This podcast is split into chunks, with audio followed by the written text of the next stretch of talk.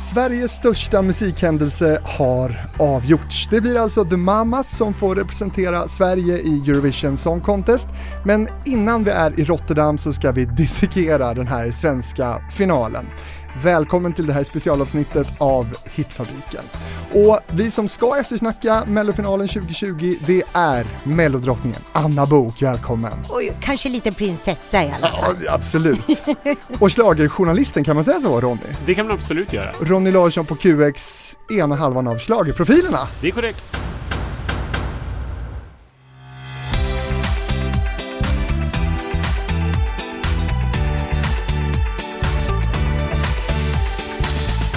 Jättekul att ha er här måste jag säga. Tack. I, innan vi börjar så måste jag bara berätta att i veckan så nåddes jag av en glad nyhet. Och det handlar om att eh, bara efter 14 avsnitt så har Hitfabriken, som vi spelar in nu, avsnitt 15 av, eh, listats som en av 15 av de bästa poddarna för Amen. musikskapare. Wow. Grattis! Jätteroligt! Eh, Det är musiksajten studio.se som är någon slags digital plattform av något slag för, för musiker som står för den här listningen och det är ju väldigt kul naturligtvis. Ja, Superkul. gud. Om någon nu sitter och undrar då, eh, hur kommer det sig? Varför är det så? Eh, då tänker jag att då lägger jag ut den fina motiveringen på Hitfabrikens Instagram. Eh, så kan man kika där och också följa kanske Hitfabriken där. Ja, men det var jättekul. Så gör Vad kul att ni gläds med mig, gör ni? Ja, Ja, det mycket är glada. klart. Mycket glada. Mm. Anna Bok, Ja, herregud. ja. Har du hämtat dig från Andra chansen? ja, men det har jag gjort. Mm. Absolut. Det var ju bara liksom kärlek och, och värme och positivitet. Så att, eh, jo, men det har jag gjort. Ja. Betyder det mycket det här för dig med Hall of Fame? Alltså, jag, jag, fick ju, jag fick ju en inbjudan till det här väldigt, väldigt tidigt i våras och eh, förstod inte alls vidden av det och, bara tänkte så här, "Ja, vad har de nu hittat? Jag, nej, men jag tänkte inte så mycket på det. Men så har jag ju sagt det här liksom, och i början var jag väl lite så här, nej men det där behöver inte jag vara med på. Men, men vad kul liksom. Men sen så förstod jag att de väldigt gärna ville det och det är klart att jag tycker att det är jätteroligt, speciellt eftersom också svenska folket är involverade och liksom att få, få vara med från starten och så, där. så det är jätte, jätteroligt Ja. att bara få ha en liten, liten, liten plats i, i historien. Det är jättemysigt. Får fråga dig då Ronny, vad betyder det att Anna Bok är invald i Hall of Fame? Nej men det, det betyder väl väldigt mycket skulle jag vilja säga. Anna är ju en av de personerna som har gjort väldigt stort avtryck i mellohistorien. Jag tror inte att det finns någon femteplats som har liksom varit lika ihågkomvärd som ABC från 1986. Nej. Tack. Det är ABC. många faktiskt som tror att jag, jag vann.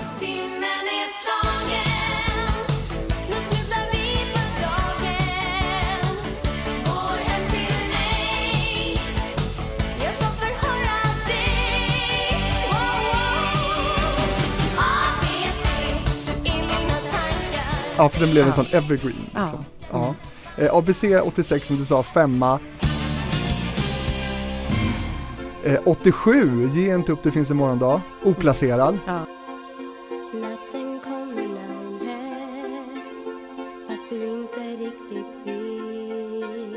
Väldigt oförtjänt, en av mina favoritlåtar med dig. Inte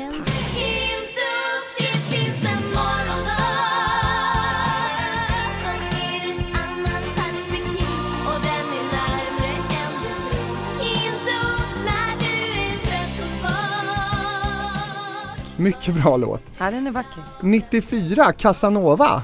Ja, I den alternativa. I, I den alternativa Melodifestivalen. Den får vi inte glömma. Nej, gud nej. Är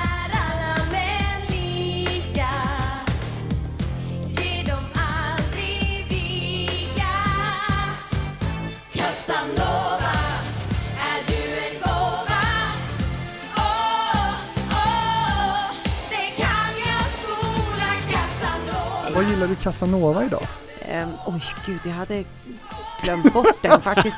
Men alltså, en, ändå en rätt bra låt liksom. Alltså, lite kul, poppig, lite crazy. Mm. Jag gillar ju sånt som inte är mainstream. Men du spelar den inte? Nej, nej, det gör, nej, det gör jag inte. Men, men Chris Lind, bara som en liten så parentes, är ju då eh, tillsammans med Lotta Furubäck som är liksom en utav the queens behind the scenes i Melodifestivalen.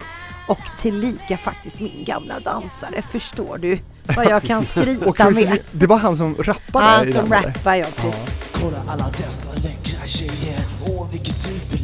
grejer Kort eller lång eller tjock eller smal Det spelar ingen roll när jag gör mitt val Men jag måste ändå säga att det var ganska kaxigt ändå att ställa upp med en sån typ av låt, alltså 94. Det var, ju- alltså ta steget från vad du hade gjort tidigare till att Ja. ställa upp med det. Det tycker jag hatten av för det. Det, är liksom, det var ju en låt som stack ut väldigt mycket i den här festivalen. Ja, och lite, ja men lite och quirky. Mm. Men alltså kul. Man måste väl våga prova Måste någonting. vara och- lite kul någon gång. Nej men alltså om jag ska vara ärlig och inte för att vara elak nu här i, emot upphovsmännen men det var ju så att det, det var ju samma upphovsmän som till ABC.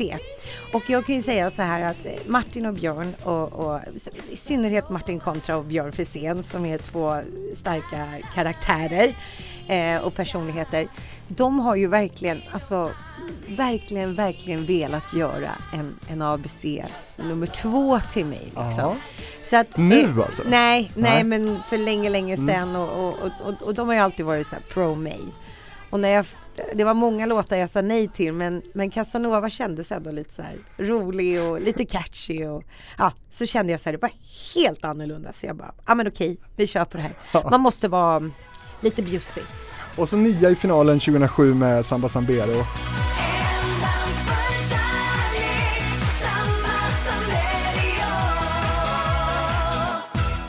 Ja, precis. Och sen då det här debaclet med Himmel eh, för två 2016. Ja, Ja. precis. Men det har du hämtat ifrån. Ja, Hur det tog var- en vecka ungefär. Ja, så. men hur var det där nu? Kan vi bara reda ut det här? Var det så att du blev lovad en plats i tävlingen efter? Ja, det har jag ju blivit, Ja. absolut. De sa det, det är självklart att du kommer få en ny chans och en, en ny möjlighet. Sen, sen har de ju naturligtvis inte sagt liksom att ja, men du ska få en, en räkmacka in på det liksom så. Men, men eh, de tycker ju verkligen att, att jag förtjänar att, att vara med i, i mellosammanhanget igen. Men det är ju extremt viktigt för mig att vara ärlig i min artistprofil och med det menar jag att jag kan inte bara liksom och kommer inte ställa upp med, med någonting annat än något som jag vet är nytt. Mhm. Exakt.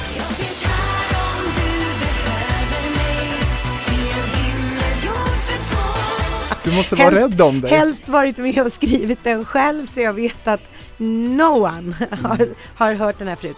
Men och sen framförallt att det är jag eh, och att jag också faktiskt har mognat i att, att jag är jävligt nöjd med att vara Anna Bok. Men har du inte- något på gång då eller? Har du skickat in eller har du på något sätt ja. liksom? Ja, det gjorde jag. Eh, Vi skickade in för i år eh, några låtar som, som jag har varit med och jobbat fram själv och som, som jag verkligen skulle kunna tävla med, absolut. Nu låg det inte rätt i tiden och eh, kom, kom liksom en bra bit på vägen men inte tillräckligt eh, långt. Det kommer Eh, nya år. Det känns som att ja. vi kommer få se henne på i Jag har en Melodifestivalen igen. känsla av det, absolut. Det känns som att det är på gång. Jag, jag är ju bara liksom 49, jag fyller 50 år så att jag, jag känner att jag har tiden på min sida. Och, men det skulle vara jätte, jättekul. Men det, det måste vara Nej men det måste vara äkta. Det låter ju lite så här ugh, Mm. kräkmedel kanske. Men det är Du, det viktigaste. du Ronny som ser det lite liksom utifrån och, Mm. eh, och är journalist och, och bedömer de här eh, som står på melloscenen ändå. Va, vad tycker du att Anna ska komma tillbaka med? Ja. Men jag tycker att hon ska göra en himmel för två, alltså del två lite grann. Alltså det var ju en underbar låt. Det var ju Mm. precis vad man ville se i Melodifestivalen. Men också en sån här naturlig fortsättning på vad jag tycker att du har stått för i Mm. Melodifestivalsammanhang. Eh, så, ja men någonting, någonting åt det hållet. Mm. Jag vill se glädje. Anna Bok är glädje för mig. Ingen ballad nu. Tack. Nej, nej, nej men jag, så jag är ju mer en... Om vi en får bestämma. Ja. Ja men jag är ju mer en, en rivig tjej liksom. Ja. Eh, och tycker också om eh, att sjunga eh, musik som, som får folk att vilja studsa på fötterna liksom och ha kul till. Vilken är din favorit Anna Bok-låt egentligen, Ronny? Gud vad svårt. Alltså jag älskade ju ABC när den kom. Men man har ju också hunnit tröttna på vissa låtar för att de har Mm. funnits med så länge. Så Ja. att, eh, och jag älskar vad Samba Sambero stod för 2007 också. Så jag är jättesvårt att välja. Men jag säger nog Himmel för två ändå. För jag tycker den har ett fint budskap också. Budskapet. Och det gjorde mig jätteglad när den var med. Så att, Mm. eh, och jag hade velat se hur den hade stått sig i tävlingen. Så att just nu säger jag den. Ja men jag håller faktiskt med. Jag, jag sjöng ju den på båten här Jag har varit iväg på, på en kryssning och ehm, när jag liksom tittade in i alla de här fantastiska ögonen på människor och liksom just sjöng de orden som himmel för två är så, så bara såg man liksom hur hoppet så här gnistrar i ögonen på dem. Och det, ja, men det är viktigt, man ska kunna liksom förmedla eh, äkta känslor och lite stöd och lite pepp och sådär. Innan vi går vidare så måste jag, för nu har vi gått igenom, du har ju en, en uppsjö hitlåtar ändå Anna. Ja, det, det, alltså det finns ju lite mer än bara ABC. Ja, exakt. Ja, Och då undrar jag så här, hur ofta får du ändå höra, eller hur ofta möts du av den här liksom, ja, hon har ju haft, otroligt att hon har kunnat haft en karriär med bara en låt. Ja men det, det är ju ganska vanligt men då är det ju också precis lika vanligt med folk som kommer in och bara nej, hon har gjort så mycket mer än det. Men å andra sidan så, Men blir du ledsen av det? ja jag kunde bli det när jag var yngre men, men sen typ 15 år tillbaka i tiden så, så blir jag inte det. Folk kan ju inte veta allt och som jag brukar säga så här, ja visst, det, människor kanske tycker att jag borde ha gjort så mycket, mycket mer och, och, och så. Men jag kunde också ha gjort mycket, mycket mindre. Och jag är jäkligt nöjd över allt som jag har fått uppleva i mitt liv. Och jag har liksom heller aldrig jagat det här liksom kändisskapet utan det kom jag in i. Och jag har accepterat det tycker jag på ett sätt som faktiskt många av mina kollegor inte gör. De vill gärna plocka russinen ur kakan hela tiden och är rätt svåra i vissa sammanhang, ställer inte upp på intervjuer i sammanhang nu som till exempel vid eh, eh, Andra chansen här så var det en del som absolut inte ville göra intervjuer. Vilka var det? Nej det tänker jag ju inte säga då för jag har ingen Det vet skvallerbytta du kanske. Ronny då? Nej, jag har dålig koll på det för jag gjorde inga intervjuer den veckan. Nej. Nej. Nej men liksom jag vill inte vara svår men å andra sidan så har jag också växt in i en mognad där jag kan säga att det är helt okej vad alla andra tror. Jag vet eh, vem jag är och vad jag har gjort och sådär. Så att, och sen är jag inte heller rädd längre för att inte få vara med. Jag kan liksom vi är ju flockmänniskor men jag är inte så rädd för att gå och bräka för mig själv. Eller liksom, det är ganska härligt. Och Ronny Larsson, eh, du gör också poddar. Det stämmer bra. Ja, precis. Ehm, jag och... Ja, prata nu. Ja Sälj, precis, nu ska jag sälj. sälja in mig här. Sälj, Jag och min kollega Ken eh, är ju QX schlagerprofiler och vi kom ju på den briljanta idén att gå tillbaka i historien. Så vi plockade upp en deltävling eller ett år av Melodifestivalen och verkligen dissekerar det. Älskar det. Vi börjar liksom med eh, inledningen, går igenom hela liksom låtuppställningen låt för låt och sen pratar vi om resultatet, pratar om omröstningen och allting plus att vi ringer även deltagare som har varit med under de här åren som, eh, som har tävlat. Och eh, det är väldigt intressant att gå på djupet av det hela liksom. För att jag älskar ju det här. Jag är ju uppvuxen med Melodifestivalen, har följt och sett vartenda år sedan 83 tror jag. Mm. Ja men det är så, de är jättebra, jag har lyssnat på alla och tycker att det är väldigt intressant att, att, att, gräva bakåt. Ehm, och nu då, vad skulle du säga att du är för typ av Melodifestivals person smakmässigt? Alltså jag är ju väldigt mycket liksom slager, pop Alltså typ vad Melodifestivalen och Eurovision kanske var i början av 2000, typ 2011, 2012 någonting sånt. Mm. Alltså då fanns det mycket mer att välja på musikmässigt tycker jag. Nu tycker jag att det har blivit lite mycket radioskval. Eh, det stora problemet, det är inte dåliga låtar. Nu tycker jag att det är ganska bra låtar rakt igenom. Eh, men det har också blivit lite tråkigare för kalkonerna saknas och kalkonerna behövs tycker jag. Eh, och de riktiga topparna behövs och de tycker inte jag riktigt finns där. Det blir lite för jämn kvalitet nästan. Ja det blir, det blir jämntjockt och det stora problemet är liksom vad lever vidare om fem år? Mm. Inte ens jag kommer ihåg vad som var med förra året eller året innan utan det är bara på eller förbi. Det är så här duktigt, det är bra och det är klart att jag hade favoriter och varje år säger jag det här är ett jättebra melodifestivalår. Men vad går folk ut och dansar till liksom? Det, det finns ingenting sånt. För mig är du ju mycket så här Timotej och Caracola typ. Timotej och Caracola, det är mycket tjejgrupper kan jag säga. Exakt.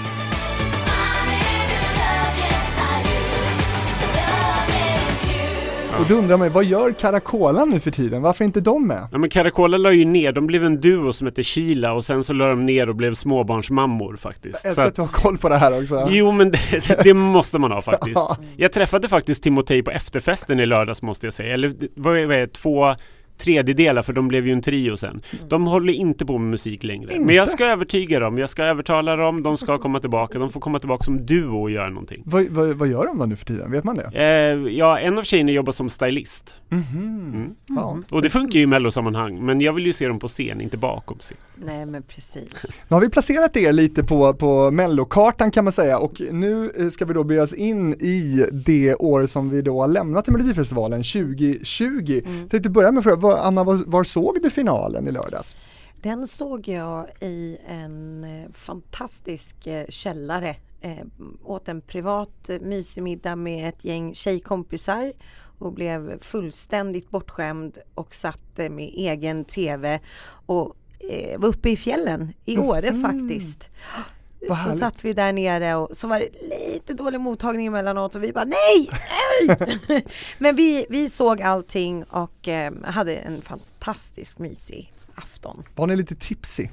Eh, det var några som var tipsy men eh, jag var helt nykter. Du- du- du- ja, men jag är, jag är ju nästan alltså tipsy en, ändå. Ja, liksom. precis. Jag behöver ju ingen alkohol för att vara så här tokig. Det Liksom. känns bra att du inte kan se nyktert på detta. Ja men exakt. Vad gjorde du Ronny? Eh, jag var faktiskt hemma hos mig eh, själv Mm. tillsammans med min pojkvän och ett gäng kompisar. Det var jättetrevligt, jättekul. Jag var inte så tipsig för jag vill inte dricka så mycket för jag ska skriva om det här sen och då vill inte jag liksom bli påverkad för mycket att man blir liksom att, man, att det blir för mycket känslor. Vilket det blev men det, jag, jag håller tillbaka en del i alla fall. Det var väldigt kul och väldigt intressant och vi hejade alla på olika saker. Framförallt stod jag och min pojkvän på två helt olika håll. Han gillade Dotter, jag gillar Dotter också men jag var mycket mer än Bergendahl. Så att, och sen blev det ingenting och då blev, blev det andra reaktioner. Men har ni hämtat er egentligen från det som hände? För det som hände var ju att, att det blev för många ett väldigt antiklimax. ja. Eh, otroligt bra TV och väldigt spännande. Eh, men ja, man har ju sett lite så här reaktionsvideos från olika fester när folk tittar på detta och det var ju verkligen eh, en chock för Ja. många. Två, och, och verkligen två läger liksom. Ja, Jag måste ju säga att jag, jag spelar ju aldrig. Eh, men jag, jag blir lika sur på mig själv varje år när jag tänker så här, fan bettar jag inte för? För att jag är rätt grym på det där alltså. och jag visste att det skulle stå mellan tjejerna och när jag sprang på eh, The Mamas dagen efter att de vann första deltävlingen så sa jag well girls I think you have a number one here. Eh, vilket det blev och det har jag hållit fast vid hela tiden. Men sen så kom ju då Anna och så kom Dotter och, och så kom Hanna Färm. Eh, och jag sa det, det är de fyra som kommer att vara i toppen och sen blir det Anis eller eh, Robin Bengtsson trodde jag på femte plats. Så jag Ja, jag, jag förstod det, men jag trodde att Anna skulle ta det. För att jag, jag fick en sån vibe på något sätt när hon, eh, när hon sjöng och jag vet att svenska folket gillar henne och hon har ju en, en nerv som är väldigt, man blir ju berörd liksom. är det bra när det blir så här jämnt Ronny? Ehm, ja det är det ju. Det blir ju som du säger väldigt bra TV och det blir ju otroligt spännande att, eh, att så många låtar slåss om det här. Att, alltså förra året var det väldigt förutsägbart att Ja. John skulle ta hem det. Det blir lite tråkigt då. Eh, så det gjorde ju att finalen hade otroligt mycket nerv. Sen kanske det inte gick på det sättet som jag hade hoppats och verkligen inget ont om The Mamas. De Nej. gjorde en kanoninsats. Det är en toppenbra låt. Men jag hade hellre velat se den i toppen med, med, mer än att den skulle vinna. Det finns, eh, jag tycker Dotter och Anna hade uttryck som hade funkat mycket bättre i år i Eurovision om man ser på vad som finns där redan nu. Ja, det kanske är så att, att som sagt var, jag är inte alls förvånad att, att The Mamas vann för det, det. Jag kände det redan efter liksom första deltävlingen så att de, de där kommer ta det liksom. Ehm, men, men jag gillar också Annas och Dotters uttryck för att det är ju starkare, alltså det är ju mer eget. The Mamas Move är ju mer mainstream, väldigt safe, väldigt snyggt och liksom stadigt och häftigt. Och det som är det mest slagkraftiga med dem det är ju deras liksom personligheter och, och att, att de är så liksom färgstarka i sig. Och, men jag tror att det kan tyvärr ligga dem lite i fatet också att de körade med med John mm, förra mm. året. Det är lite ute i Eurovision-sammanhang. Vi får ju inte bara tänka på Nej, den svenska exakt. lilla ankdammen. Exakt, och det ska vi återkomma till lite eh, om Eurovision. Men vi tar dem en efter en nu ja, tycker jag. Och mm. vi börjar då med den första som är Viktor Krone.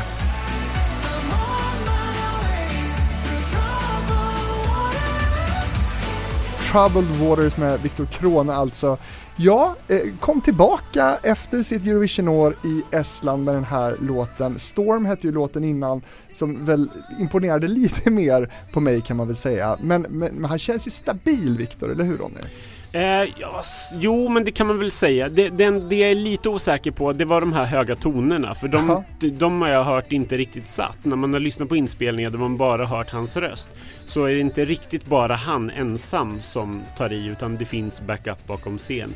Ehm, och med det är inget ont sagt om Viktor. Han är en jättebra sångare men låten är väldigt svårsjungen ska tilläggas. Så att göra den här live inför så många människor, det är inte jättelätt. Men Storm också var ju ganska svår och hög liksom. Ja, var, var den det? Inte lik. Jag tycker inte att den var lik. Nej, jag vet inte. Jag tycker inte den var lika knepig faktiskt. Jag föredrog också Storm framför den här. Jag tyckte att den här, det var en helt okej låt och jag tyckte den skulle vara i final. Men ja, mm, det var så det bara skulle vara liksom. Sen är det lite så med, med stavelserna faktiskt beroende på vad man sjunger.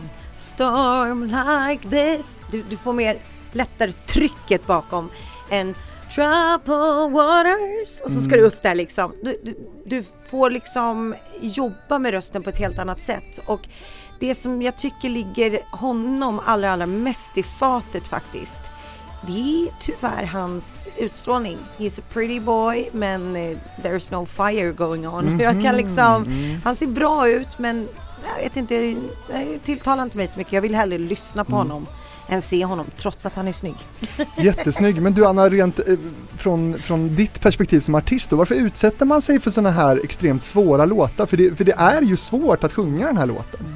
Ja men alltså det är ju det att de är ju vana vid att de har den här typen av klubbgig där de kör med backup och, och liksom typ mer eller mindre playback. De behöver inte anstränga sig, det är liksom det, det, det är bara backtracks Det är- rakt av och, och, och så ja, tänker de, ja men det klarar jag en, en eller två eller tre gånger liksom. Och det, det tycker jag är synd, för jag kommer, all, jag kommer aldrig välja en sån låt. Jag vill kunna leva upp till, jag vill kunna vara bättre live än på skiva. Jag vill kunna liksom beröra live och, och inte liksom, det tror jag Ja, men vi tar det sen. Det, nu är jag så här, jag, jag galopperar alltid iväg. Och du, men det är väl skönt kanske att det är back, backing tracks nu för tiden. Jag vet ju hur du jobbade med orkestern där ja, det gick 87. ju käpprätt åt helvete alltså, så att kan de, inte, kan de inte spela de jävlarna så ska de fan stanna hemma.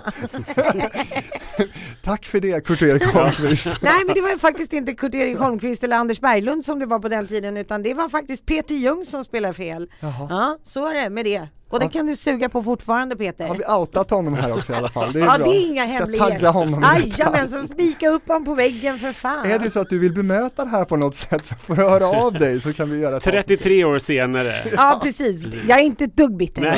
Nej, inte alls. Men du, jag tänkte också att han kom undan också med den här dansen, den Ja. här eh, pappadansen. Fast här, här vill jag, jag är en av få som står bakom det här. Jag tyckte det var charmigt, jag gillade det. Den här dansen har vi inte sett förut i Melodifestivalsammanhang. Jag tyckte det var, kändes skönt ändå. Det, är alltså så här, det är många som dansar så här. Jag Jo. tror att många kände igen sig. Han fick ändå väldigt bra poäng av folket.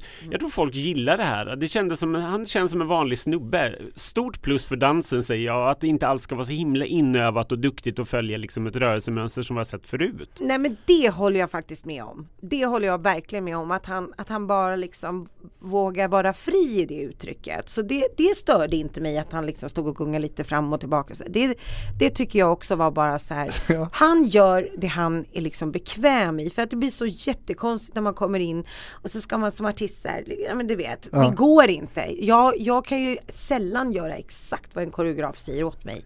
Jag måste få göra lite på mitt eget sätt för att annars så blir det inget bra. Och du som DJ Ronny, du ser ju ut över dansgolven. Du, det är väl en average kanske så som man dansar. Ja men lite så, det är så här, nu Kunde ser jag, jag ser mest huvuden tycker jag men, men absolut så, så är det ju liksom så, här, så illa är det inte och det, fin, det, det finns ju många exempel på överkoreograferade nummer som vi har Ja. sett i Melodifestivalen och då ser jag mycket hellre ett sånt här där det känns lite friare och lite öppnare. Du Ja. pratar om excellence. Eh, ja lite, eller The Foe and O för några år sedan det var väl också ganska överkoreograferat eller Sonjas Etumon där det liksom flåsas i tre minuter Ja. för, att de, för att hon inte ens orkar sjunga för att det är så överkoreograferat. Nej, det är sant. Jag håller med. En annan som dansade i finalen, det var Paul Ray.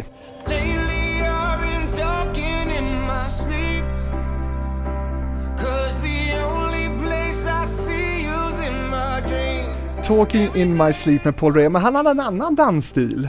Det kändes ju ändå coolare på något sätt. Ja, och den här vill jag plussa jättemycket för jag tycker att han är jätteskön när han liksom... Han, det här är ju en midtempo-ballad kan man väl kalla det för och jag tycker det är skönt att se att man dansar till det här. Mm. jag, jag älskade hans rörelsemönster överhuvudtaget. Det fanns så många money shots under de här tre minuterna med dansen och när han poserade den här vinnarposen ganska tidigt mm. med ett bakljus bakom honom. Eh, det här är en av mina favoriter. Jag älskar den här låten. Jag blev så glad när han gick vidare från Andra chansen. Den skulle vara i final och jag är jätteglad att det har blivit en stor hit också. Mm. Och man kan väl säga Anna att det här, det här blev ett stort genombrott för honom. Ja, verkligen. Men jag blir inte alls förvånad för att han är ju liksom jäkligt talangfull. Det är inte jättebra sångare och bra låt och bara liksom känns eh, modernt och fräscht och, men, men inte sådär mainstreamigt. Hade det här, är det här en låt som hade funkat bättre i Eurovision än Melodifestivalen? Ja, eller ja, ja nej. Nej, jag vet Nej. inte. Jag tror att de hade funkat ungefär likvärdigt Ja. faktiskt. Mm. Eh, ja. Men det är att det är en stor hit, det, det fattade man ju direkt. Och jättekul att det går bra för honom. För att han, han är ju inte liksom någon nybörjare heller. Han har Nej. ju ändå hållit på ganska länge. Precis, han ser yngre ut än vad han är också va? Precis. Han är typ 30, nej?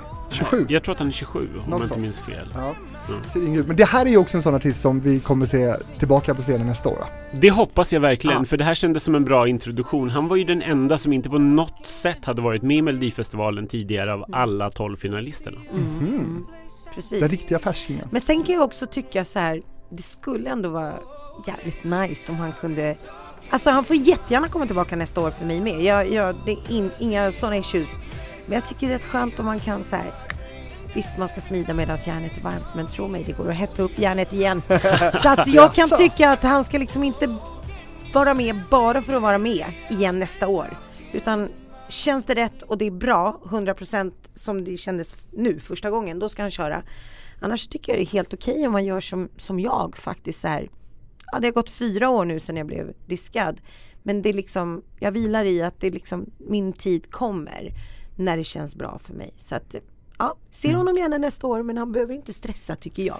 I min tvillingpodd TV-fabriken så eh, publicerade jag nyligen ett avsnitt med Christer Björkman och han berättade då att eh, det var en av de jobbigaste grejerna han har behövt göra som melloboss. Att, att eh, jobba med att eh, diska bidrag, till exempel då ditt. Ja. Ja, det fattar man ju att det inte är liksom någonting de gör med. Ja, nu Nej, vad exakt. roligt, nu ska vi göra det här. Så ja, nej, men nej, jag vet, han, han, alla mådde dåligt där och då. Så är det. Då kör vi! Då The kör vi. Mamas!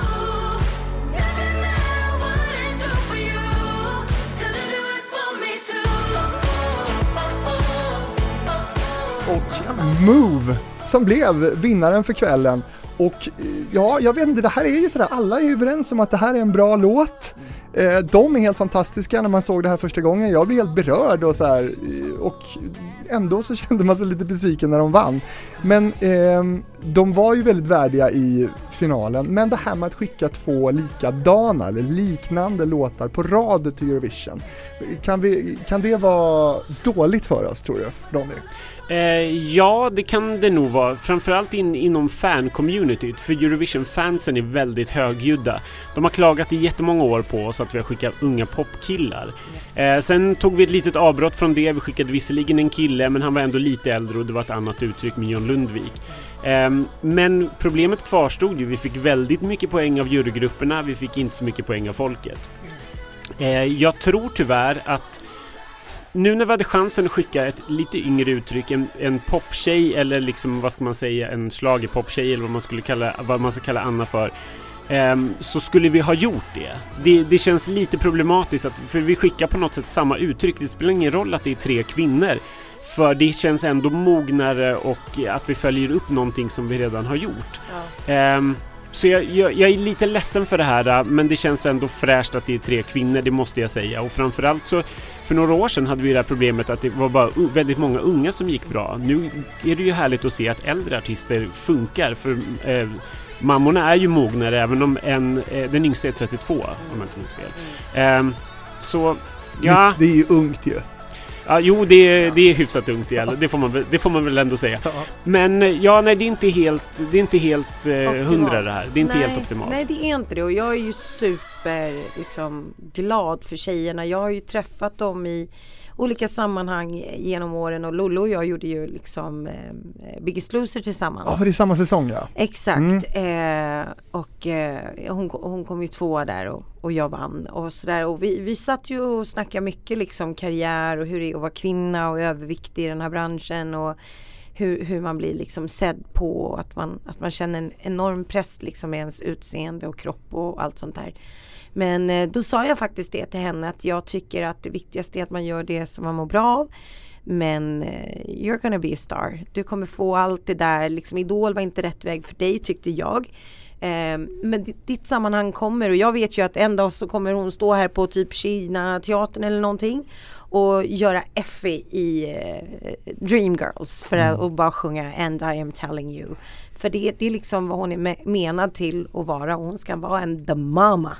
Och eh, jag är ju superglad för deras skull för jag tycker att det här är tre jävligt begåvade och liksom, ja men du vet, vad nice kvinnor. Men eh, jag, jag tror att vi hade liksom knäppt Eurovision fansen lite på näsan om vi hade skickat Dotter eller Anna Bergendahl.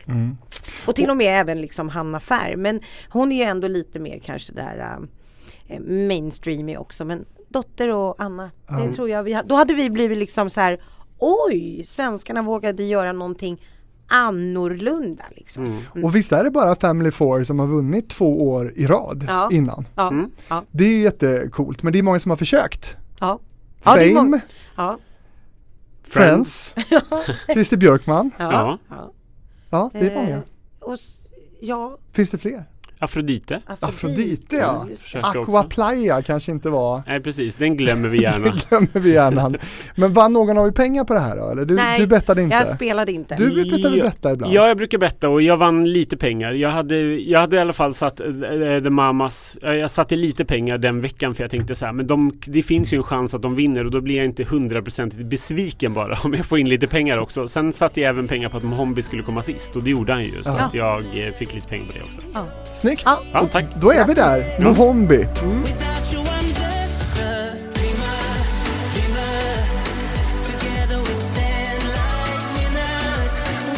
Och Winners som alltså kommer sist i finalen. Ja, han kämpar ju på med Hombi med någon slags mission av att han vill bli folkkär. Eller? Mm. Hur går det tycker ni? Sådär Långsamt. tycker jag väl på något sätt. Alltså problemet, problemet är, nu är vi lite grann inne på det som Anna pratade om, att det gick jättebra förra året. Han fick en eh, stor hit med eh, Den där stomp. Ja, eh, Hello! Hello! Vi Hello! ser vi har redan, redan glömt det. Ehm, han fick en jättestor hit med den. S- då ska han ju komma tillbaka då med en ännu bättre låt året efter. Och det tycker inte jag han gjorde. Den här låten är alldeles för ljum. Trots att den heter Winners. Eh, den ska ju ha en sån här vinnarfeeling men det har den inte. Men att vi hör det här, du hör det här, vi, vi alla är överens. Men varför, eh, hör, hör inte han det? Alltså det låter som en lång, lång, lång, väldigt brant uppförsbacke. Mm. Alltså det är som att han, från första liksom så är det bara så här. Åh jävlar, får kämpa, kämpa, kämpa. Ja, och det är så ska det inte behöva vara liksom. Nej, och det var ju väldigt mycket så. Det var ju väldigt mycket kämpande med numret. Vi har aldrig sett ett, ett Melodifestivalsfinalnummer göras om så mycket Nej. från deltävlingen till att vi såg den i final. Det man gillar jag ju sig. dansare och så liksom. Det är jättebra och det tycker jag verkligen man ska göra. Känns det inte rätt Nej. och man inte är nöjd, då ska Nej. man absolut ändra numret. Det tycker jag är jättebra, smart tänkt. Mm. Men låten var inte där för Mohombi i år. Nej. Jag tycker man ska ändra numret ändå lite grann till finalen bara för att... Fast att alltså det är ändå farligt också. Det, Ja. alltså, du vet att det är jävla vi, liksom när vi sitter hemma i tv-soffan och så ser man någonting och så blir man kär i det och så kommer de och så ska sätta på sig en grön klänning sen och man bara, men vad fan hon var ju Mm. skitsnygg i den där röda.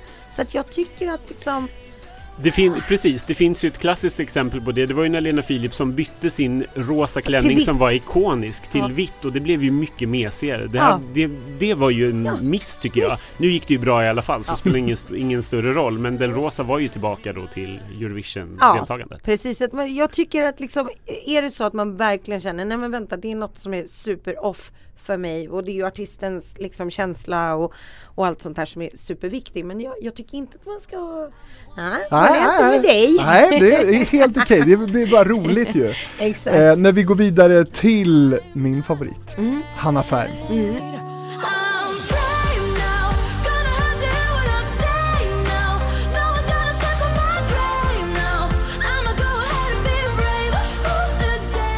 Och Brave. Eh, verkligen en utav, ja, en utav mina favoriter, men kanske den största. Ehm, hon fick ju, eh, det gick ju bra för henne också. Eh, det här funkade ganska bra, även om många tyckte att det kanske lät möjligen lite väl öststatigt. Eller? Ja, jo, men alltså hon hade ju blivit jättepoppis eh, av, av öststatsländerna och liksom så här, eller hur? Balkan och... Ja, men- kanske. Jag, jag, jag är nog lite mer kluven. Jag tycker att låten är jättebra. Det är en Ja. jättebra låt. Hon är fantastisk. Däremot är jag inte helt hundra på att det hade gått så bra. Eh, lite grann av... För det första tycker jag att den är lite pitchig. Hon sjunger väldigt högt. Liksom. Den ligger kanske lite i fel tonart. Eh, man hör heller, det blir lite skrikigt Mm. precis. Och man hör inte riktigt vad hon sjunger.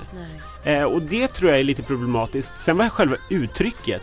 Uttrycket var nog mer öststatigt än vad låten var. För Ja. den är ju en väldigt snygg, eh, bra, modern radiolåt i så här Eva Max-stil liksom. Mm. Ehm, men jag, och jag tror att Hanna Färm kommer vinna Melodifestivalen någon gång. Men i år var inte hennes år. Och hon, jag tycker nog inte att hon skulle ha vunnit. Däremot var det jättesnyggt att hon var med med den här låten. Ja, kul att hon var liksom topp top fem. Jag hade ju de här fyra tjejerna som topp fyra och, jag, och låten Brave tycker jag är väldigt, väldigt bra. Jag har lyssnat, alltså jag har den på repeat Ja. ibland. Jag sätter på mig mina lurar när jag ska städa hemma och sådär. Så jag, har, jag håller på att göra en playlist där, Anna Boks mellofavoriter. Så vill du bara gå in och följa den på Spotify. Oh, så ja. ska du se vad jag tycker. Nej men det är en jäkligt bra låt. Det som jag tycker är synd, det är som Ronny säger, Hanna har en tendens att välja tonarter där hon är lite, lite skrikig. Och hon måste tänka på att hon ska hålla i ganska många år. Det kommer hon inte göra om hon fortsätter på det här sättet. Eh, så jag tycker Det att kommer hon, slita för mycket. Det kommer eller? slita alldeles för mycket på hennes röst. Eh, så att jag tycker att hon skulle ha vilat lite i att liksom plocka ner den lite och, så att hon kan artikulera bättre och man hör tydligare vad hon säger. Men jävligt snygg låt och jag älskar när hon sjunger la di da di da di da. Jag, jag vill ju verkligen hylla Hanna för att hon är, hon är 19 år. det är 19 så bast. häftigt. Ja. Två Melodifestivaldeltaganden. Hon fick eh, tredje mest av folket i år, vilket är Ja. jättehäftigt tycker jag. Det är en stor hit. Det gick jättebra förra året också. Så Hanna, du är välkommen tillbaka till Mm. Ja, Melodifestivalen verkligen. vilket år som helst. Verkligen, hon är söt, hon är fräsch, hon är vettig, hon är rolig och liksom, nej men det är, det är en bra tjej. Och, och Vad ska hon göra 19. då? Vad för typ av låt ska hon vinna med? Jag tycker, att, jag tycker att hon var på rätt spår. Det ska vara en poplåt men den kanske måste vara lite mer slagkraftig. Det här var en, Mm. det här var en trallvänlig poplåt kan man väl säga. Jag tror att det måste vara ett, eh, lite mer ett statement. Mm. Kanske alltså, ant, antingen någonting lite mer konstnärligt som Mm. Dotter gjorde. Eh, som är lite mer artig men ändå kommersiellt. Eller Mm. så gör man någonting som An, eh, Anna Bergendahl gjorde med liksom så här all in med dansare och bam Ja. boom här kommer Ja. vi liksom. Och ett Kiltarna. starkt Mm. liksom, budskap liksom Mm. som golvar folk. Alla vill liksom Vi kan, väl, vi kan väl också passa på att nämna att Hanna Färm faktiskt testade två av låtarna i, till årets melodifestival. Eh, två låtar som det gick ändå ganska bra för. Eh, Robin Bengtssons Mm. Take a Chance, den passade inte riktigt för henne och jag tycker det var rätt att det var en kille som gjorde den. Ja. Hon testade även Ballerina som Malou Prytz gjorde. Mm. Den hade nog funkat ganska bra tror jag med Hanna Färm faktiskt. För Den hade gått bättre. riktigt snygg låt. Den hade nog inte gått bättre tror jag för fortfarande är Brave en otroligt bra låt och Mm. jag tror att det var en, en snygg matchning där. Men det var kul att hon testade någonting sånt i alla fall. Mm, verkligen. Och nu kör vi Mendes Åh. Mendes! och Alvaro Estrella, Vamos Amigos. Yeah.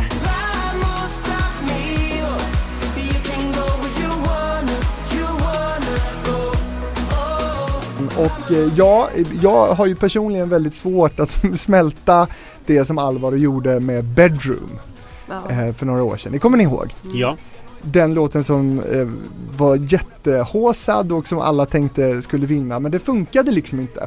Men, men eh, Alvaro är tillbaka här nu och eh, tillsammans med Mendes och ehm, ja, det här är ju en artist som kanske borde ha vunnit med den första låten han var med med. då pratar om Mendes då. Mm. Eh, och det har han själv sagt i, i den här podden också, att han borde ha Adrenaline. vunnit då Ja. med Adrenaline. Ja, ja det, är, det är svårt att toppa. Ad- Mhm. Adrenalin alltså. Jag gillar Mendes, jag tycker han är superhärlig liksom, som person och, och scenpersonlighet och sådär också. Ehm, men för mig var det här liksom det här, bättre än förra året. Det var som every day, every night. Det var så här, det, jag tänkte, men gud, så går den... Nej! Ja, men, Åh, ja. jag älskar ju Everyday. Jag tycker den är jättebra. Ja, gör du det? Ja. Men om du tänker Mendes. Ja, alltså Ja, så den är, det, det jag gillar bäst med den det är la la la la la. Det tycker jag är, det är så, då, kommer jag och sen liksom när trummorna går där och det gillar jag men, men just det där everyday. Nej, jag, jag tycker den refrängen är jättehärlig verkligen. Ehm, Men om vi hoppar till i år. Det här tyckte jag var lite problematiskt. Att jag tycker det var jättesmart att de ställde upp som en duo. Duo. Eller liksom Mendes featuring Alvaro Estrella i alla fall. Ehm, och jag tycker den här refrängen är väldigt effektiv. Men jag tycker den tappade helt i tempo i verserna. För mig dog den då. Var, den hade liksom så här, den hade verkligen den här slagkraftiga refrängen och sen ingenting annat. Um, och jag tyckte att det här är ju mitt, mitt stora problem i år. Den som jag hade sorterat bort förutom, men, eller förutom Mohombi då. Så hade jag gärna velat sortera bort den här till förmån för Drängarna. För jag tycker Drängarna hade en mycket viktigare plats här än, än för det här kändes som en så här tråkigare upprepning av Everyday på något sätt. Fast en, fast en härlig refräng. Och jag tycker inte man kan bygga ett nummer på en refräng bara. Men Drängarna lär vi väl se igen va? Ja, det tror Det jag. tror jag absolut. Men det, men det är också ett problem där, att så här, nyhetens behag, att man, Ja. man, det är första gången och det är kul att de ställer upp och Piga och Dräng var, var, jag tycker det, det, det har behövts i finalen. Ja det tycker jag också. Men och, som sagt det, det handlar ju inte om att man inte gillar artisten eller så men sen är det, jag är väldigt, eh, ja adrenalin, herregud. Han borde verkligen ha vunnit då. Ja. Det var topp, Men det här med topp. latinofest eh, det generellt då? älskar Det, jag. det Jag är- funkar Ja, absolut. fortfarande? Jag är ju eller? Absolut. spanjorska så att jag, jag har ju själv varit inne på det. Men då känner jag så här, jag vet inte om svenska folket skulle liksom anamma mig om jag kommer för mycket latino. Jag kanske någon, någon liten så här sl, slutflört eller någonting. Ja, vad säger du om det Ja men det är väl inte helt fel tänkt. Alltså, så här, kan man tänka sig en, liksom en Despacito med Anna Bok featuring någon? featuring liksom. någon, ja precis. Vad gör Chris Lynn över det? Ja men precis. Nej vi måste ju ha en latinokille fattar ni väl. Finns det inte någon, jo gud jag har flera stycken som jag kan tänka mig. Vilka då? Massor. Nej men jag kanske inte ska outa dem så här. Ja det var i alla fall något positivt till skillnad från musikern i bandet 87 som bashade här. Ja men det förtjänar han faktiskt. Never forget. Okej, vi kör. Men man ska äl- älska och förlåta. Ja, Ja det måste man ha fokus på, det gör jag. Så absolut. Det är bara, jag bara, jag alla bara utom sko- honom. Jag bara, nej jag skojar nu, nu får, nu får du inte göra någon så här kalkon här. Vi går till dottern nu då. I'm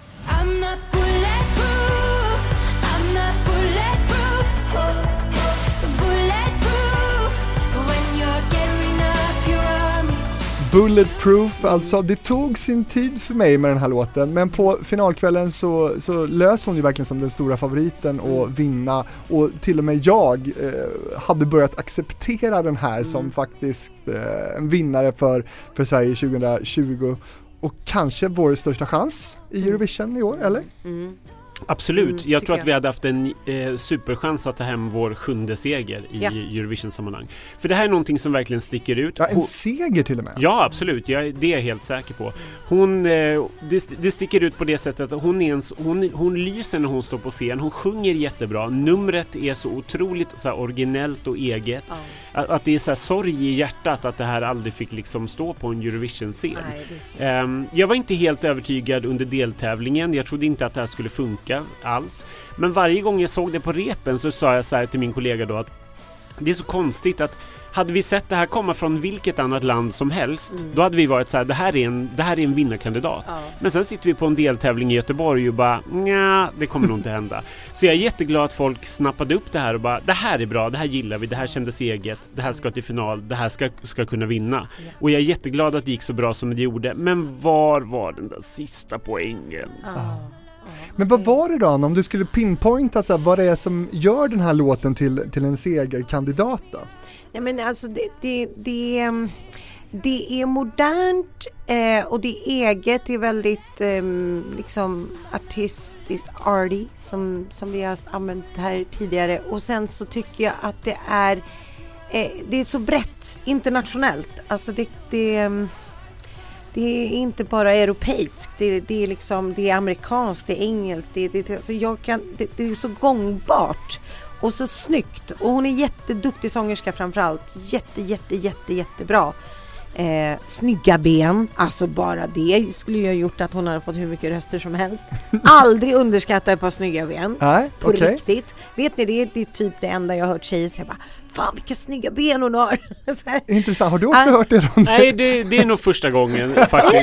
Ja, Jag nej, jag har inte alls sett, Nej, sett det här med snygga ben. Det har varit jättemånga, alltså i min eh, krets, alla bara så gud vilka snygga ben hon har och vilket ut, liksom kroppsspråk och snyggt Det är ju med jättekul, det är ju verkligen Ja. jättekul. och Det, scenkläderna med ljuset och liksom hela numret var uppbyggt. men, det, men framförallt vill jag säga en grej som är väldigt viktig med Dotter. Det var att äntligen fick en cool poptjej gå raka vägen till final. Ja. För tidigare år så har ju, Omvägar. har, har ja, eller åkt ut Ja, till och med. ut, ja. Mm. Ehm, det har liksom inte hänt att, att en sån här tjej har fått så mycket stöd från svenska folket, vilket jag tycker är jättekul. För, för det här tror jag kommer bli ett avgörande ögonblick. Melodifestivalen 2020, nu ändras det.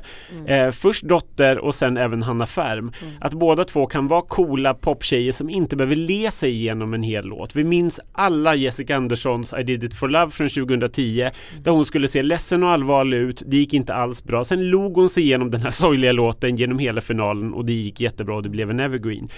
Den tiden är borta. Nu kan tjejer vara coola, se allvarliga ut och, och liksom även vinna folkets gi- gillande. Har vi sagt allt om Dotter nu? Ja men Ja. det tycker jag.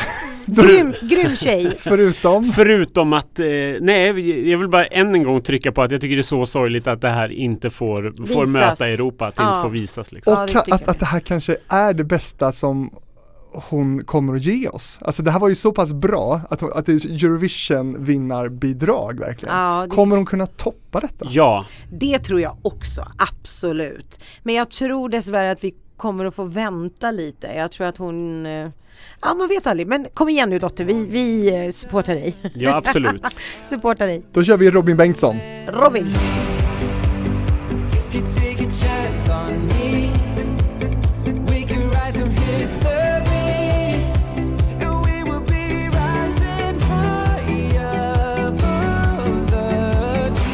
Take a chance eh, gick ut som nummer åtta och han eh, har gjort det här då att som, som vinnare komma tillbaka eh, till tävlingen i alla fall, eh, även om det inte var året efter. Men eh, han tävlade ju 2016, Constellation Prize, 2017 I Can't Go On som han vann med och nu då Take a Chance. Jag gillar alla de här låtarna, måste jag säga. Vad gjorde att han inte kom högre upp än placering åtta i år? Jag skulle väl säga att eh, det, det stora problemet här var att eh, var ett, numret. Jag tyckte numret var underwhelming, för jag kan inte komma, vad heter underväldigande. Eh, jag tycker inte alls att det motsvarade vad, vad vi förväntar oss att se av den här typen av låt och artist eh, 2020. Jag tycker att det blev lite mesigt, det kändes som, alltså de här projektionerna på bakom honom kändes som fortfarande lite så skolaula på något sätt med det här veckade draperiet och så. Ehm, sen tycker jag att den här låten är lite problematisk live. Jag har aldrig reagerat på hur Robin har sjungit de tidigare gångerna han har varit med utan han har levererat väldigt bra och väldigt stadigt både i Constellation Prize, fantastisk låt och i eh, I Can't Go On som också vann alltihopa som också är en jättebra låt. Men i år blev det, tycker jag att det var surt hela, hela vägen. Det, Oj. det, ja, men så surt och svaj, det var väldigt svajigt. Gnälligt ska jag säga istället. Gnälligt är ett bättre ord. Ehm, och det tycker jag är jättesynd för jag tycker att han är en bra artist. Jag tycker att låten är jättebra och jag vet ju att han kan det här. Men det blev liksom, det, det, den hamnade lite fel och då tror jag att det bara föll lite grann på det. Plus att det är tjejernas år. Mm. Ja, jag tycker det är ju absolut tjejernas år och jag tycker också att låten är jättebra. Han är snygg och det är lite enkla James Dean. Men det kändes lite för mig eh, oengagerat. Eh, jag tyckte inte det kändes riktigt som att han var där.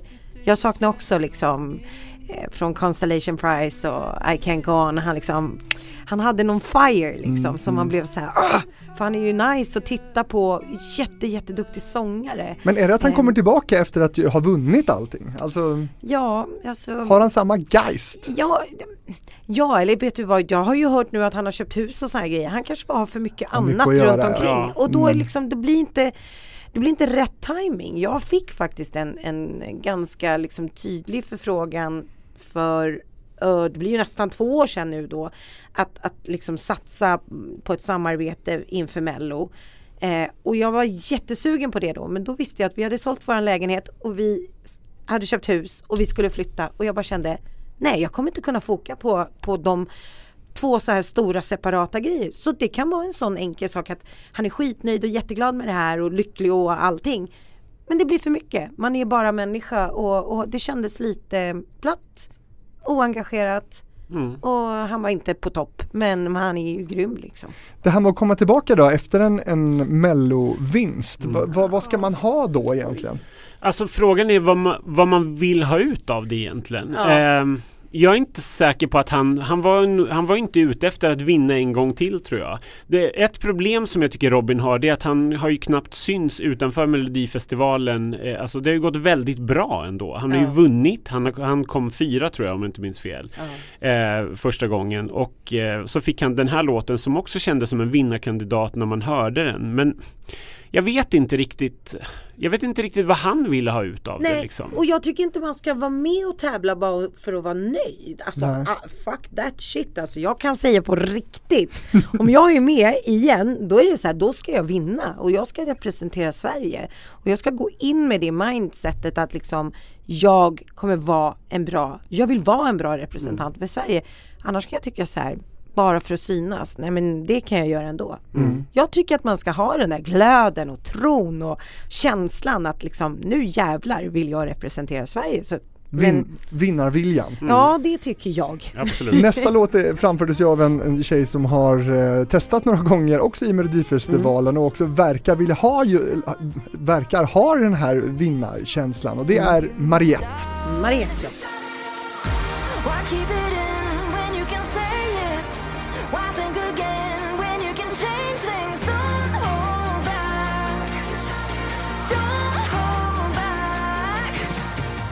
Shout it out. Eh, jag vet inte, hur många gånger kan man vara med tycker du Anna innan det känns som att det är too much? Ja, Ann-Louise Hansson har ju varit med med det Ja, 14, 14 gånger. 14 gånger. Så att ett par gånger till tycker jag vi kan stå ut med, med Mariette. Heter hon Mariette? Mariette, Marinette. Jag, jag är så dålig på namn. Marinette. Kärt barn har många namn, I love you girl. Nej men alltså hon får gärna vara med för mig. Jag tycker hon är fantastisk och levererar ju också. Ehm, karismatisk och duktig sångerska och Shout It Out tyckte jag var en, en, en jättebra låt. Jag tror Mm. vi kommer höra den mycket i sommar. Men ehm, Det är ju fjärde mellolåten. Det är fjärde mellolåten och det här tyckte jag var helt onödigt att ställa upp med om jag ska vara helt ärlig. Jag älskar Mariette, jag tycker hon är jättebra. Jag upptäcker också att det finns en otrolig kärlek till henne. Hon skulle Ja. ja. på Diggiloo-turnén tror jag för tredje året i rad i Ja, sommar. Eh, min mamma uttryckte stor kärlek för Mariette när hon var med i deltävlingen och bara åh Mariette är så fantastisk. Så att hon har, jag tror att hon tilltalar väldigt många. Mm. Men problemet är att så här, låtarna har inte blivit bättre. Mm. Alltså jag tyckte att hennes första låt är fortfarande hennes bästa. Don't Stop Believing. Precis. 2015. Det var, det var någon låt som vi hade kunnat skicka till Eurovision. Sen tyckte jag, sen gillar jag eh, A Million Years jättemycket. Mm. Jag tycker att det var ett så här härligt steg ut och ett jättesnyggt nummer. Mm. Sen förra gången med den här Jörgen Elofsson-låten, den, den var väl sådär när hon stod på den där pyramiden och pekade For jag. You 2018. Ja. Och nu kommer hon tillbaka med den här låten som då ligger närmre vad hon vill göra egentligen. För det här var ju lite såhär gitarr, arena, poppigt liksom. Mm. Men jag tyckte det var alldeles för blekt. Här tycker jag att om hon vill göra det här så tycker jag att SVT ska sätta ner foten och bara men du har varit med lite för mycket nu. Ta ett steg tillbaka några år och kom tillbaka. För Mm. ma- även om Mariette är 30 plus så känns hon mycket yngre. Hon Ja. känns väldigt fräsch. Hon, hon har verkligen energin och hon Ja. har liksom Absen. Ja precis, och framförallt har hon det här eh, som krävs för att representera Sverige i Eurovision. Det är väldigt många fans som har ögonen på henne. Ja. Och hon skulle kunna göra en... Hon skulle kunna ro hem vår sjunde seger Ja. med rätt låt. Och jag, jag håller verkligen med dig när du, när du pratar, när jag lyssnar på dig. För att hon är så likable och liksom jätte, jättestark. Men jag tycker också eh, Alltså jag får ju höra varje år, varför är du inte med, när är du, när ska du, när ska du? Men det är så här, våga vila lite i att ta några steg tillbaka. Mellon finns kvar. Att det blir för forcerat på något vänster. Eh, och det kan vi göra, även om Shout It Out är en jättebra låt så är det lite så här man kanske vill lite för mycket. Mm. Så att jag skulle också säga att ta några steg tillbaka, reflektera, mogna liksom fem år till. Eh, jag som sagt var ju snart 50 så att, nej, men jag vet ju vad jag snackar om. Ja. Ett problem kan ju vara att, att SVT kanske inte ser henne som en vinnare längre. Utan de kanske ser henne som en Magnus Carlsson, en Jessica Andersson. Alltså en, en artist som är väldigt folklig, som kan komma tillbaka många gånger. Leverera kvalitet. Leverera kvalitet, leverera ett, någonting som man känner igen men inte ska vinna. Nej. Och där tror jag, där måste, det måste brytas. För Ja. att Ma- Mariette kan vinna fortfarande. Det tror jag, men, men med rätt låt. Och då kommer vi till en av de låtarna som ju på förhand var väldigt omtalad, nämligen Felix Sandmans. Why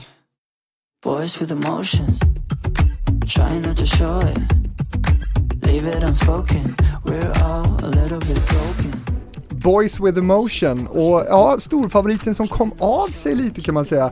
Jag gillar ju det här. Det här är ju den typen av musik jag lyssnar på. Så här, annars skulle man kunna säga. Eh, vad är liksom Felix utmaning nu? För han verkar ju vara ändå sugen på att vinna det här. Ja. Ja, eh, det här var, jag tyckte att det här var rätt låt att ställa upp med. Jag tycker det är coolt när man flyttar fram positionerna för det här är, Ja. det här är ju en bra låt. Det här är en bra modern poplåt. Eh, däremot kanske den är lite för tidig, inte vet jag, eller liksom i Melodifestivalen, eller lite för slätstruken ändå på något sätt. Den kanske inte har det där omfet som behövs för att, för att man ska vinna Mello eller att det ska gå jättebra. Och ingen höjning. Och ingen, ingen höjning, men låten, låten är jättebra. Jag är jätteglad att den är i final för det var jätteviktigt tycker jag för att en sån artist som Felix behövs i Melodifestivalen. Vi behöver plocka in de unga popkillarna som det går bra för utanför Melodifestivalen. Han eh, startade ju sin karriär i 4 och sen gick det ju jättebra. Han höll på att vinna allting med Every Single Day för några år sedan. Och nu kommer han tillbaka med den här låten. Som det var helt rätt att göra. Men jag vet inte heller om han ville vinna. Jag tror att han var med för att visa att jag finns fortfarande. Det är ett jättebra fönster att få en ny hit på. Ja och sen så liksom körde han ju verkligen ja, med sin grej. Eh, där är ju Felix trots sin unga ålder, han är väl bara 21 va? Eh, liksom ändå väldigt mogen och, och liksom tydlig i sitt artisteri och, och liksom jag gillade texten och Ja, budskapet budskapet i låten och också. liksom eh, vä- vä- väldigt liksom intelligent, bra text. Han, han är ju en, låt. en skön, underbar kille på alla sätt. Är, är han tillräckligt likable på scen, undrar jag? Eh, Det är intressant att du tar upp det. Han kan se lite hård ut och lite brattig liksom tror jag. Eh, han har inte den här värmen som till exempel som Benjamin har Nej. till exempel som vann för några år sedan. Eh, så nej, jag, jag Hos tror de att det, äldre tror jag inte han har det men de yngre gillar ju det där. de yngre köper nog Ja. vad som helst, men det var nog också det som var avgörande. För Mm. annars tror jag att det här hade kunnat gå direkt till final. Det hade nog inte vunnit, men det hade kunnat gå direkt till final och Mm. det hade framförallt inte varit eh, ja, så jämnt som jag hört att det har skvallrats om att det kanske har varit hela vägen, att det har varit tufft för honom. Anna Bergendahl, Mm. näst sist i finalen, Kingdom Come. Alltså hon kom ju inte näst sist, men hon framförde sin låt näst sist i finalen. My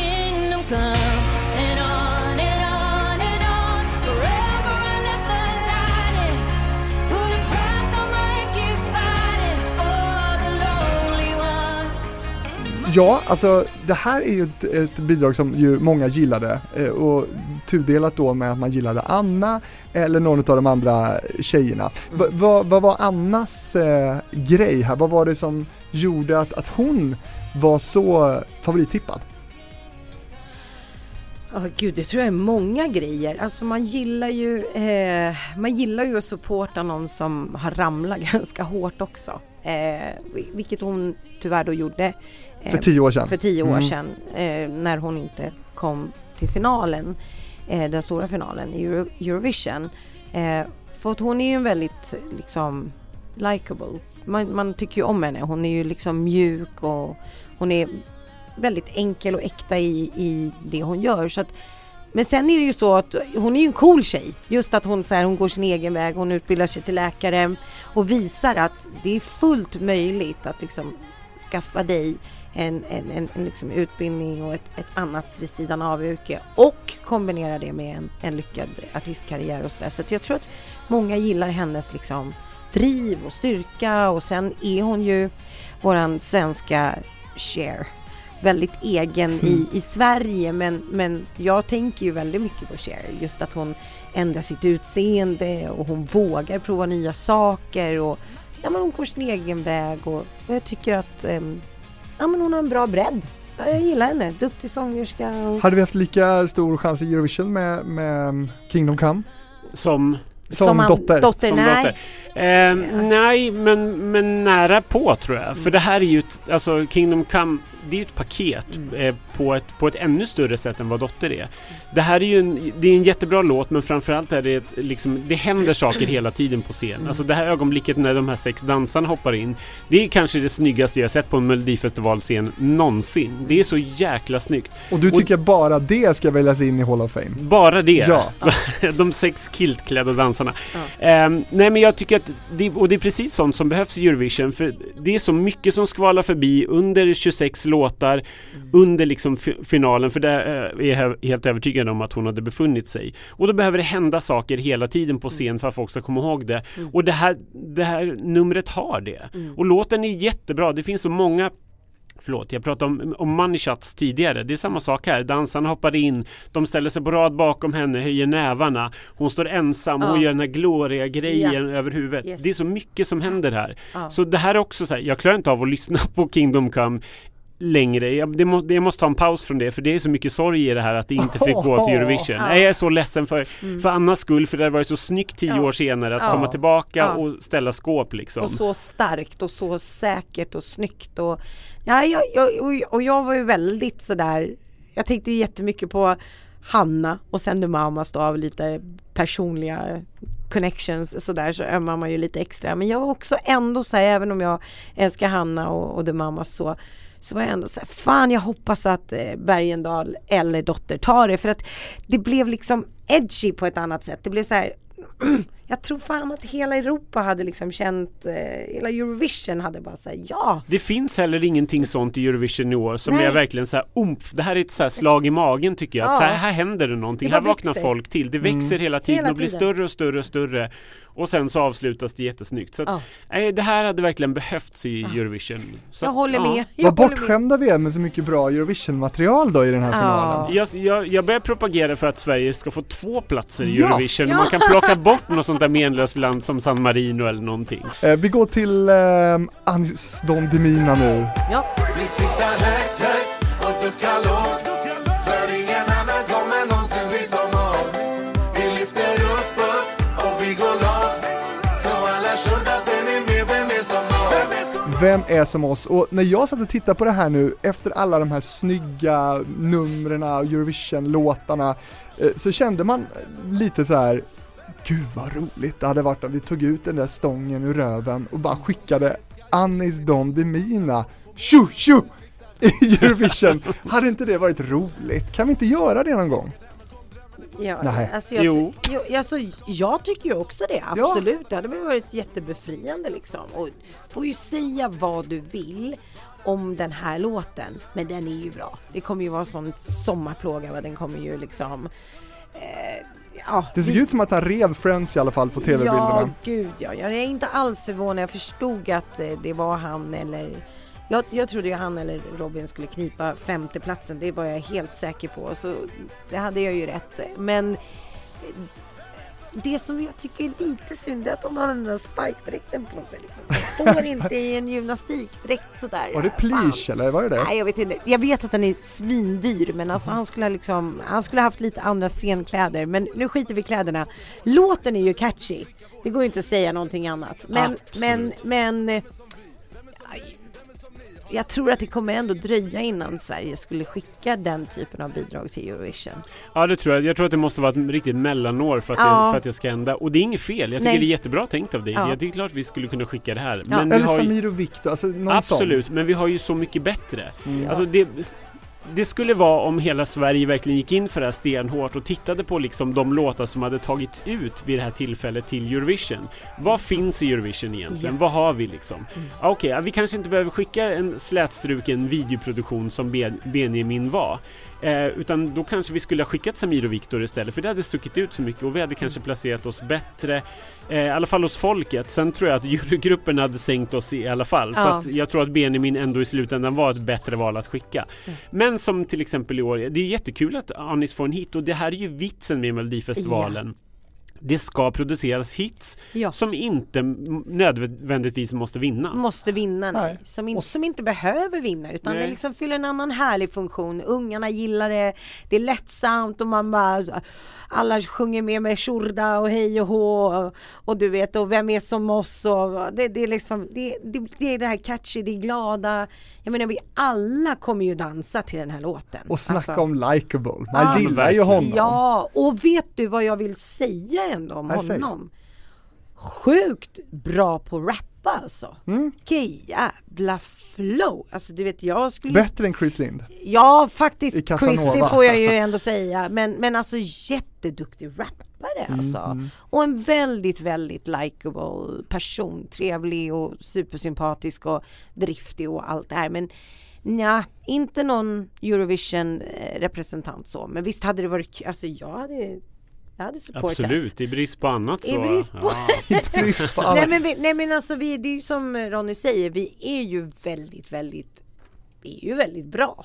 Hellre uppröra och irritera än gå obemärkt förbi. ja, men det här var ju finalen i Melodifestivalen 2020 och nu tänkte jag bara eh, direkt gå in och bara kolla oddsen, hur det, hur det ligger till för oss precis nu när vi sitter här och pratar. Det är den 11 mars idag och då ligger vi 12 Mm. Hur kommer det gå tror ni? ja, alltså Går vi till final? Eh, först var jag nog övertygad om att vi inte skulle göra det. Jag skulle säga att det kanske det är en väldigt tuff, det är, en, det är inte ett jättestarkt Eurovision-år, det ska sägas. För det finns inte jättemycket, det är inte jättemycket bra låtar. Däremot har vi hamnat i en ganska stark eh, del, vad säger man, semifinal. Semifinal ja. Det är, ganska, det är ganska tufft. Alla favoriterna är där. All, all, allting som folk pratar om är där.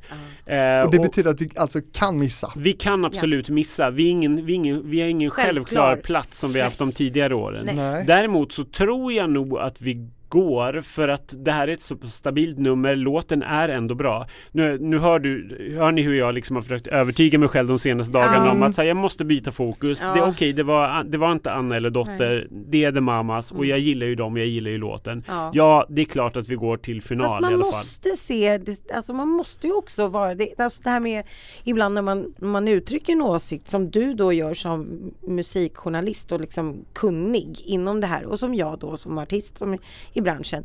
Då, då tror folk liksom att man inte gillar bara för att man kanske säger att nej men jag tycker inte att vi ska skicka Anis Don eh, med, med sin låt. Men det är ju inte det det handlar om. Du måste ju se till liksom, den stora bilden. Var, alltså, nu är vi här, men vart är det vi ska någonstans? Exakt. Och vad är målet? Ja. Och då måste du liksom bort med skygglapparna och se liksom the bigger picture. Och ehm, eh, jag tycker också det är, ja det, Det det, väl- kommer bli en sån där nagelbitare. Vi kommer ju sitta hemma och bara, Ja men verkligen, och det finns ett annat problem också att går vi till final som kanske nummer 8, 9, 10 eller någonting Ja. Vad händer i finalen då? Vill vi komma på en 17 plats? Eh, Fan, ib- ibland kanske det är bättre att åka ut ja, i, i, liksom, i semifinalen och folk bara Åh stackarna, vad Ja, synd och det, var, det var lite knasigt liksom jag tror, in, jag tror liksom inte att någon lägger någon skuld på The Mamas för det och det ska vi verkligen inte göra för Nej. det är svenska folket som har röstat De bär ingen skuld i vem, hur det än går i Nej. slutändan Nej.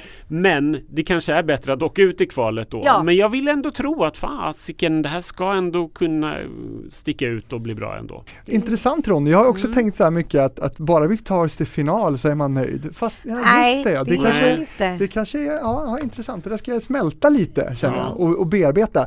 Eh, innan vi slutar nu så tänkte jag bara kolla med hur känns formatet, alltså Melodifestivalen som, som tv-program nu? Alltså, vi har ju haft, vi har ju sett det här länge med fyra deltävlingar och det har varit andra chansen och, och en final. Håller det? Vill ni se några förändringar? Är det något ni har funderat på? Ja, jag vill se en förändring. Jag tror att det är dags att förändra på något sätt.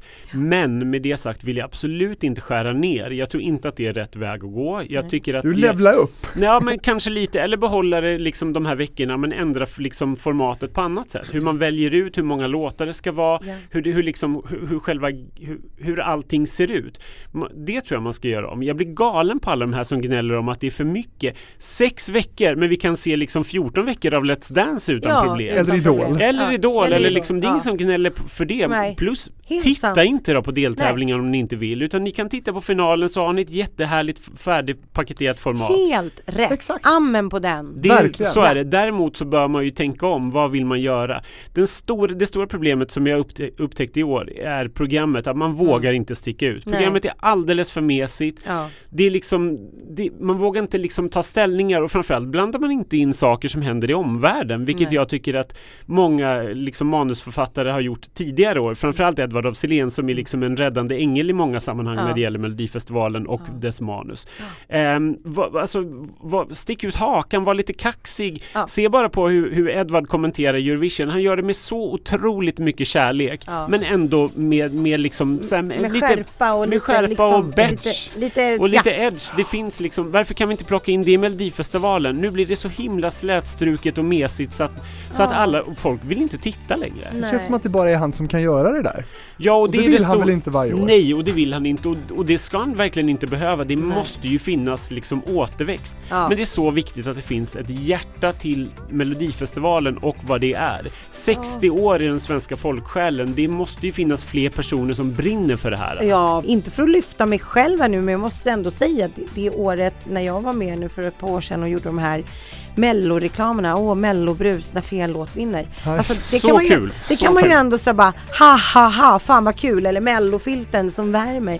Alltså det finns ingen värme på den jävla filten. Alltså det var ju jättekul och jag fick så mycket feedback och jag kände så här, fan Vi kan, vi, vi kan liksom inte bygga ett program på, så här, på tramsigheter som att så här, ska de hinna i tid till öppningen? Alltså, Nej, det är bara så här på. nej. Det är liksom, Ja. det är, det är liksom 0 eller så här, 1 till 5 år som går på Och de det. där sju snabba frågorna. Konstigt. Jag håller med. Ja. Och som med det sagt, SVT bjud gärna in mig. Jag har jättemycket åsikter och jag Ja! lyssnar jätte, jättegärna på vad ni vill, hur ni vill utveckla programmet och kommer gärna med åsikter. Ja. Jag tänkte precis säga det, det kanske finns jag. någon här som, som skulle tycka att det var lite kul. Ja, Mm. verkligen. Det tycker jag var en bra idé. Härligt Jag hörni. stöttar den. Men med det sagt Ja. så kan vi väl också då säga att eh, vi önskar ju The Mamas naturligtvis jättelycka till Ja. i Rotterdam. Vi hoppas att det blir ett Eurovision överhuvudtaget Ja. Eh, och att alla kan åka dit Ja. som, eh, som tänkt. Eh, kika gärna lite extra på Azerbajdzjan och Malta, mina favoriter hittills. i- Spännande. I, och, och Tyskland också ska jag säga. Ja. Vi får väl när det närmar sig börja kika lite på, på vårt motstånd i Rotterdam. Jag hörde att Island kommer med någonting Ja. väldigt speciellt. Det är speciellt, Ja. jag är inte riktigt hooked på det. Nej, Men det är roligt. men... Eh, Jag vill ja. slå ett slag för Rumänien. Rumänien har en väldigt snygg ballad som jag tror kommer placera sig väldigt Jaha, högt. Ja, ja. spännande. Ja. Mm. Kul! Ja, vi Anna får Bok. gotta i oss. Det får vi göra. Och Tack Ronny. Larsson, eh, tack så mycket för att ni var med i Hitfabrikens mellofinal special. Tack. Tack snälla.